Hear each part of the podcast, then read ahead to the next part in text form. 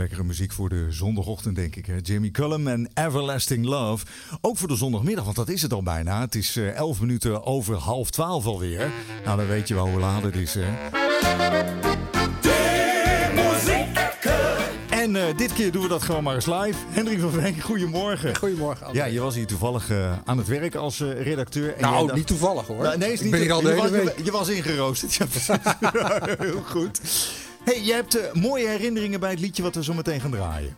Ehm, nou, het zijn eigenlijk vooral herinneringen aan herinneringen. Mhm. Ehm, we draaien zo meteen een Oostenrijkse eh, zanger die inmiddels overleden is. Ja. Ehm, en dit zijn nummers die mijn vader altijd draaide eh, thuis. Mhm. Hij had zo'n eh, zo'n bandrecorder die wel meer huishoudens toen in huis hadden. Ja, Maar mijn vader had de negatieve gewoonte om eh, die muziek uit te zetten met zijn koptelefoon op en dan mee te zingen. ja, uittonen ook, hè? Ja, ja zo vals als, was, als, als wat. Ja, zingen kon hij sowieso al niet. nee. Maar dat is wel de muziek uit de jaren 70 waar ik mee opgegroeid ben. ja. Ehm, ik, ik, ik noem het maar guilty pleasures. Ik, niet dat ik ermee te koop loop, maar Ja. ja. ik mag ze wel Kijk. soms wel graag horen. Vooral deze tijd ook. Hè? Ik bedoel, het is Ja. tijd van, eh, van, van herinneringen van vroeger. Ja, dat is waar. Ja, ja. En daar komt deze man ook voorbij.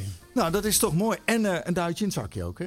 Eh, zeker, ik heb gedoneerd. Kijk. Vijf, vijf euro voor dit nummer. Kijk, dat is hartstikke mooi. Dit is, eh, nou ja, welke Oostenrijkse zanger hebben we het over? Ja, Oede Jurkens. Zeker. Jetzt geht's